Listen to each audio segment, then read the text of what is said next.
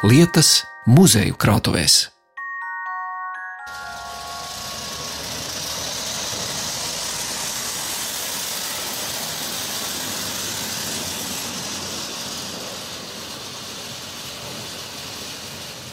Tā izklausās smagā tehnika, kas apstrādā kūdras purvu. Un kāds šim troksnim sakars ar muzejiskām vērtībām? Vispār jau nekāds. Bet, ja runa ir par Olainas vēstures un mākslas muzeju, tad te ir gan ekspozīcija, kas stāsta par Olainas vēsturi, kad šeit nodibināja kūdras fabriku, gan arī eksponātiem, kas reiz ir atrasti kūdras purvā, gan arī muzejā ir aplūkojams mākslas darbs, kas ir veidots no kūdras. Vēl bez kūdras stāsts šajā raidījumā uzzināsim, ko par Olainas pagastnamu atklāja tā fotografija 20. gadsimta sākumā, aplūkosim retas lietas no Pirmā pasaules kara un dokumentus, kas atklāja padomju varas ietekmi Olainē. Muzeja vecākais speciālists, vēsturnieks Māris Ribickis, pieveda mani pie milzīga kūdras blāķa, kas iztālēm izskatās pēc kantaini izgriezta rupmaizes mīkstumiņa, kurā ir ieguldīta ola. Te apvienojas māksla un dabas vēsture vienopus. Kūdra šķērsgriezumā ar savu stāstu, un kūdra kā iedvesmas materiāls mākslinieka Atta Lūguza rokās. Es pat teiktu, viņš tāds kā mākslas darbs ir vairāk, jo dinozaura ola kūdrā. Pēc tā tas izskatās. Līgsta, līgsta, līgsta. Materiāls ir vēsturisks. Viņš ir ņemts no vairāku metru dziļuma, izrakts ir ārā. Un šīs kūdras kārtas ir veidojušās jau tūkstošgadēs. Tādēļ arī es saku, materiāls, no kā ir veidots, pats ir vēsturisks. Mākslas darbs, ko izveidojis mākslinieks Atsons Lugus. Starp citu, viens no nedaudziem, kas vispār Latvijā kūdru izmanto kā izējuma materiālu mākslas darbu radīšanai, ir izgatavojis fantastisku darbu. Manuprāt, šis darbs ļauj skatītājiem plūst pašam savās fantāzijās. Kā pats Atis Lugus saka, kā viņam vispār radās ideja tieši par šo rudens pusē, viņam uz balkona, tad, tad balošu pāris bija sadomājis pretvēlreiz. Un, uh, tieši šis moments viņu iespaidoja, lai viņš radītu šo darbu no kūdras, ola, kas simbolizē īstenībā dzīvību šajā līgstā. Nu, kūdra ir vispār materiāls tāds neparedzējams. Jo, protams, sākotnēji, kamēr viņš ir uh, pamatīgi piesūcies ar ūdeni, sākotnēji viņš ir svērs aptuveni 3 tonnas. Jā, pats arī piedalījos šī darba transportēšanā iekšā šeit muzejā. Nu, viegli nebija. Viņš vēl nebija līdz galam izžuvis. Šis ir tāds daudzfunkcionāls teiktu, darbs, jo viņš ne tikai rada to mākslu, māksliniecisko skatījumu, bet arī viņš rāda šīs gadsimtas, šos gadsimtus, kas ir saglabājušās iekšā, jā, šīs visas līnijas. Un uh, tu vari redzēt, ka ja, tad, tad puru veidošanās šo procesu un uh, arī notikums, kas tam pa vidam ir uh, bijuši. Šīs ir, nu, cik var pateikt, ka, nu, cik te ir kubikmetrs? Aptuveni divi pusi. Divi pusi kubikmetri. Sākotnēji bija, tad, tad, protams, arī daudz kas ir nu, teiksim, noņemts no mākslas darba veidošanas procesā. Bet, paskatoties šeit no profila, te vislabāk var redzēt visus šos slāņus. Cik tie slāņi tagad ir? 1, 2, 3, 4, 5, 6, septiņi kūdras slāņi. Nu jā, tie ir simts gadi, ja simts, simts, simts, simts, un tas viss kopā veido šos tūkstošus gadus. Tā, kā, nu, tā ir grāmata. Zeme vispār, zeme, kūdra, augsne. Tā ir kā grāmata, tikai jāiemācās to lasīt. Ir. Bet te ir divas olas. Viena ir aiz šīs stikla vitrīnas, ieguldīta tajā kūdras likstiņā, un otra te ir virspusē. Jā, uzlikt. jo nu, mēs atļaujam, atļaujam pieskarties un sajust šo kūdru. Es sevi apvaldīju visu laiku vēlēšanos, man ļoti gribējās pielikt, bet to ik viens apmeklētājs te atnākot var pie. Jā, protams, jā, muzeja speciālistu uzraudzībā. Jā. Vai? Nu, Cik gluda, es domāju, būs viņa nav slīpēta. Šī ola ir griezta. Kā no kūdras kaut ko tādu var izgriezt? Tiešām perfekta olas forma. Var, var, var. Māksliniekiem tādas iespējas ir. Un, ja zina, kādā tehnikā to, dar, to izdarīt, tad to var izdarīt. Tas ir nu, griezts no viena gabala arī ārā. Viņi nav lipināti, viņi nav līmēti. Jā, te var apbrīnot to tehniku, kā var tiešām kūdras mākslas darbs. Nu, Pirmo jā. reizi kaut ko Kūdras, tādu. starp citu, Eiropā iegūst aizvien plašāku un plašāku pielietojumu. Pirmkārt, tā ir barības vielas. Tā tad ar kūdru, teiksim, mēs izmantojam. Mēs izmantojam siltumnīcās, jā, mēs izmantojam jā, puķu domēs. Nu, nākošais 50. gadi ļoti aktīvi kūdru izmanto kā kurināmo mākslu.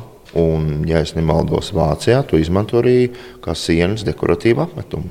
Šķidrā veidā pušot uz uh, sienas. Kūdru. Tā kā kūdra nevelti tas ir Latvijas brūnais zelts. Ar šo eksponātu apskati tomēr slavas dziesma kūdrai vēl nebeidzas, jo turpinājumā, skatot olainas vēsturi caur muzeja krājumu priekšmetiem, Māris Ribickis rāda dūraini ar trim pirkstiem.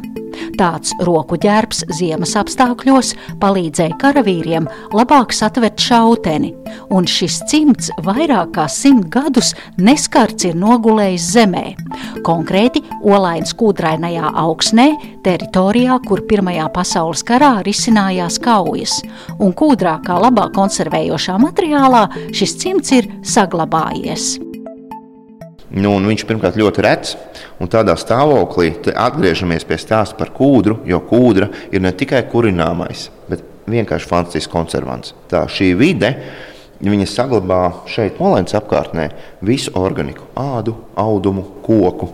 Šis priekšmets tika iegūts arheoloģisko izrakumu rezultātā, nu jau kādi gadi, četri atpakaļ. Arheoloģiskos izrakumos pārsvarā piedalās jaunieši, un arī šo cimdu atsedza tieši jaunietis. Nu, un, protams, pēc atsakšanas, ņemot vērā, ka tā vide ir salīdzinoši mitra, purvā, tomēr bija diezgan steidzīgi kaut kas jādara. Te bija ļoti daudz, nu, šajās vilnas šķiedrās bija dažādas saknītes, jā, bija netīrumi, viņš bija jāskalo. Un jaunieši divas nedēļas sēdēja pie šī cimda un rūpīgi, pedantiski viņu attīrīja. Gan ar minīm, mazām tādām līdzīgām kā zobu sūkām, ja tādām birstītēm, gan ar pincetītēm. Un, uh, tas ir tas priekšmets, kas arī parāda to, ka karavīriem jau nebija tā Krievijas armijā, kad viņus perfekti apgādāja. Tas arī parāda apgādes problēmas. Un šis ir pašizgatavots. Tātad eh, Cimds. ne, ne dūrainis, ne pirkstainis, tas ir gatavots no vilnas, ir īkšķis un vēl viens pirksts atsevišķi, ar, lai varētu šaut. Jā, lai varētu saprotu? nospiest šautenes sprūdu. Un, Rādāmais pirksts. jā, jā, jā, tas ir rādītāja pirksts. Jā. Un, uh, pagājušā gada izrakumos mēs atradām vēl vienu tādu pašu. Maz drusciņš cits materiāls, bet uh, princips ir tieši šāds pats. Tā kā karavīri paši izgatavoja šos cimdus, Te ir nolikts, nu, es redzu, viena puse ir vilna, otra puse ir āda vai arī vilna. otra puse arī ir vilna. Bet tas ir cits audums. Jā, Tas ir vilnas audums tikai citā krāsā. Viņi ņēmuši acīm redzot no kādiem no šī neļauduma, kas ir biezāks vilnas, ja, vai teiksim, no kādām vilnas biksēm. Nu, līdz ar to viņi arī paši piegrieza, izgatavoja. Paskatāmies, cik smalks iegriezums šeit ir. Ja, tā tad, jā, varētu, nu, jā, lai varētu nu, ērti jā, salocīt salo, un, saliekt roku. Nu jā, jo tas, ko mēs pagājušajā gadā atradām, viņš bija tāds rupjāks griezums, jā, un daudz tāds vienkāršāks. Bet bija saglabājušās arī šūvis, kas varēja li- liecināt par diezgan tādu steidzīgu šī cimda izgatavošanu. Viņš nebija tāds rūpīgi izgatavots, bet tā diezgan steidzīgā kārtā tas bija izgatavots.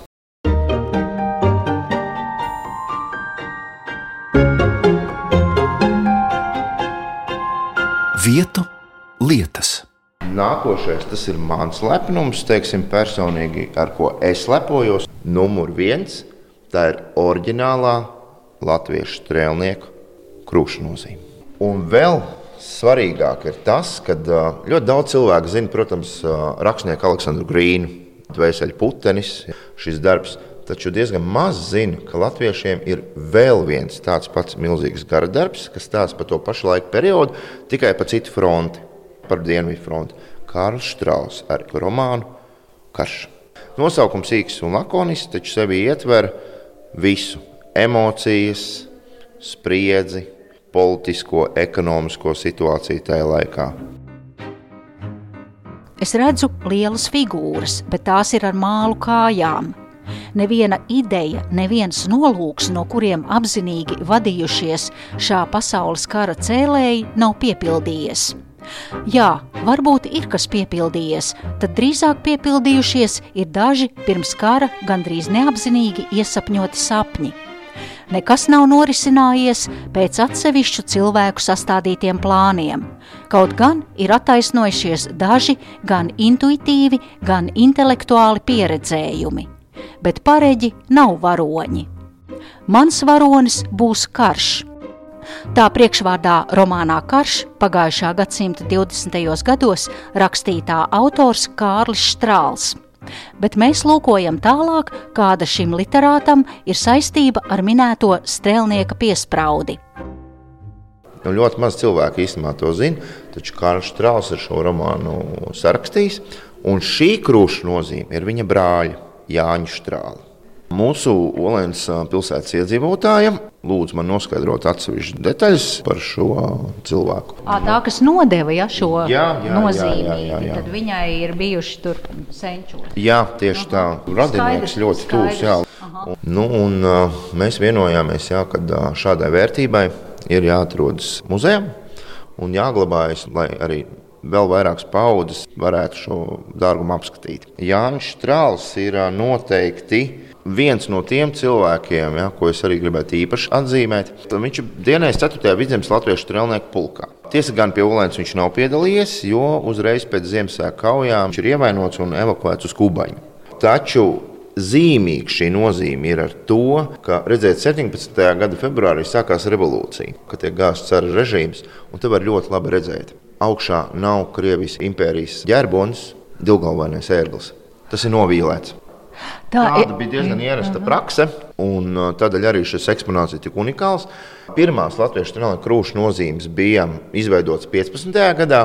Šī varētu būt 16. gada otrā puse, kad bataljons pārdevēja par pulkiem. Un tādēļ arī tur rakstīts divās valodās - LSP, augšpusē krievu valodā un apakšā latviešu strēlnieku pulki. Pa vidu saule, un tā saules e, stāri ir savienoti ar e, ozolapu vainagu. Ja? Jā, tieši tā, tā ir uzlicošā saule. Nu, lūk, tā kā jā, šī strēlnieka krūša nozīme ir ļoti, ļoti svarīga, jo mums Olēnē, Olēnas frontē savu dalību ņēma arī latviešu strēlnieku bataljonu pulka, respektīvi līdz ar to ir ļoti svarīgi atspoguļot, kāda bija šī atšķirības zīme vizuālā starp latviešu strēlnieku vienībām un ceriskās armijas vispār regulāro šīm kaujas vienībām.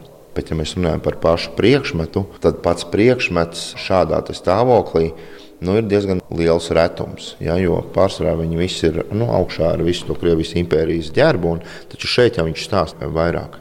Tad arī viņš ja, ir atteicies no šīs cara armijas simbolikas. Ja, Un, nu, tas ir laika biedrs, kas atspoguļo tātad, kad cara impērija sabrukusi un ir sācies jauns laikmets. Tālāk skatot Olainas muzeja krājuma priekšmetus, nonākam pie laika pēc otrā pasaules kara. Un šķirstot vēstures skaudrās lapuses un atceroties padomju varas teroru, lasām nodzeltējušu dokumentu, kur mašīna rakstā ir izdrukāts.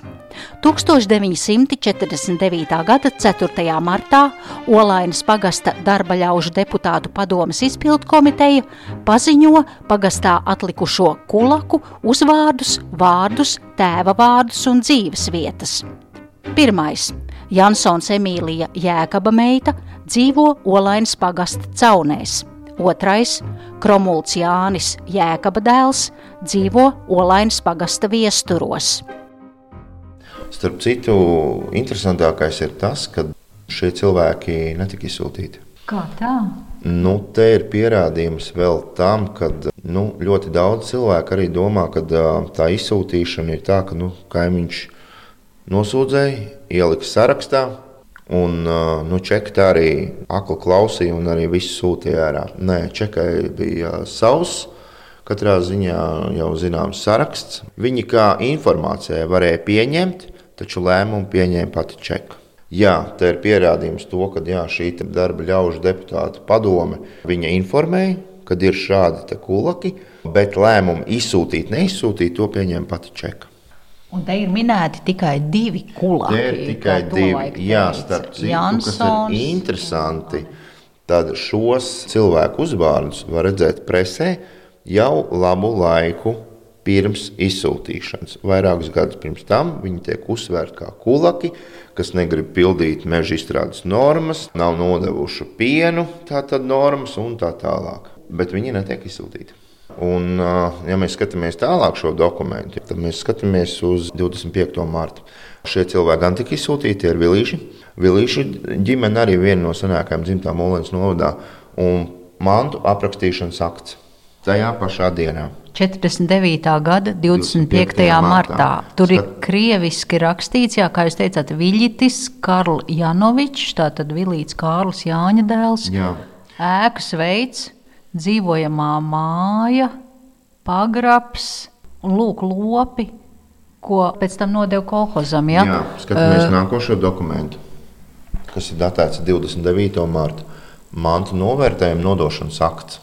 Tātad viss šīs mantas tiek nodotas nu, valstī. No izsūtīto ģimenes. Jā. Kaiminamā šūnu mašīna Zinger. Jā. Lietošanas derīgums 30%. Interesanti, ka procentos šo lietošanu. Nu, tāda un, bija veidlapa, tāda bija prasība, tā viņi arī darīja. Nu, piemēram, paskatāmies. Ja, tad, mantas novērtējums rubļos 68 rubļi 49. gadā. Piena separators stipri lietots, apaļš ēdamistabas galds, kabineta galdiņš finierēts, saliekams pašdarināts galds salūzis. Jā, nu Nakts galdiņš bez rokturiem nodilis trauku skapis ar plauktiem nolietots. Šādas mantas, kas nu, jebkura cilvēka mājā, tad tie ir izsūtīti to, kas ir noticis. Jā, nu redziet, te, ir, te vēl ir tā redzamā daļa, kas ir tīri dokumentos. Bet ņemiet vērā to, ka liela daļa tika paņemta bez papīriem, privātai lietošanai, uzreiz pēc izsūtīšanas. Te jau ir tikai šādas mantas. Tas ir tīri atskaitēji, lai būtu ko nodot. Labākās mantas bieži vien aizceļoja pašu šo izsūtītāju lietošanā. Nu, te mēs redzam, vecs sienas pulkstenis, stipri nolietots matracis, bērna gultas maisis. Matracis nederīgs, virtuves soliņš, dzelzs gulta, lietota un dzelzs gultas novērtējums rubļos toreiz ir bijis divi rubļi.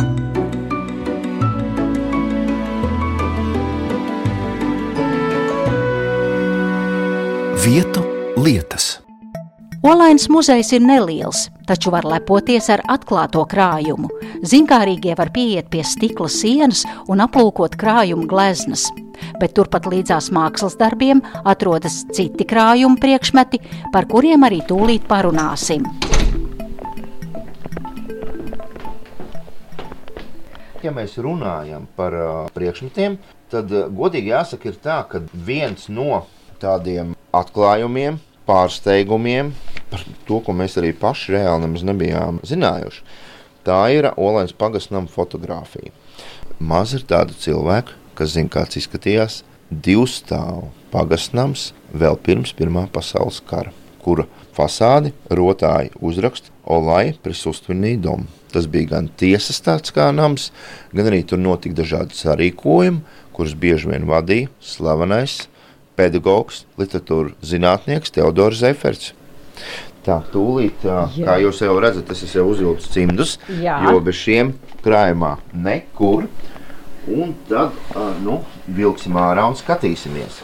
Un atklāšu to, ka šis priekšmets, kādēļ viņš arī ir tik unikāls, jo tur var redzēt ne tikai to, kā izskatījās šis pagasnāms, taču Augusts Dolfijs, maz drusciņi parunāja par viņu, viņš bija rakstvedis.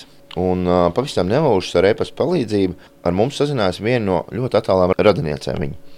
Un, uh, jā, līdz šim mēs arī nebijām zinājuši par viņu, un katrā ziņā atklājām ļoti daudz ko. Un šis augusts Dolfis ir uz šīs pagasnām fotografijas aizmugures, kas ir ierāmēta lūk šādā melnlakotā rāmī, ir atklājis dažādas interesantas lietas.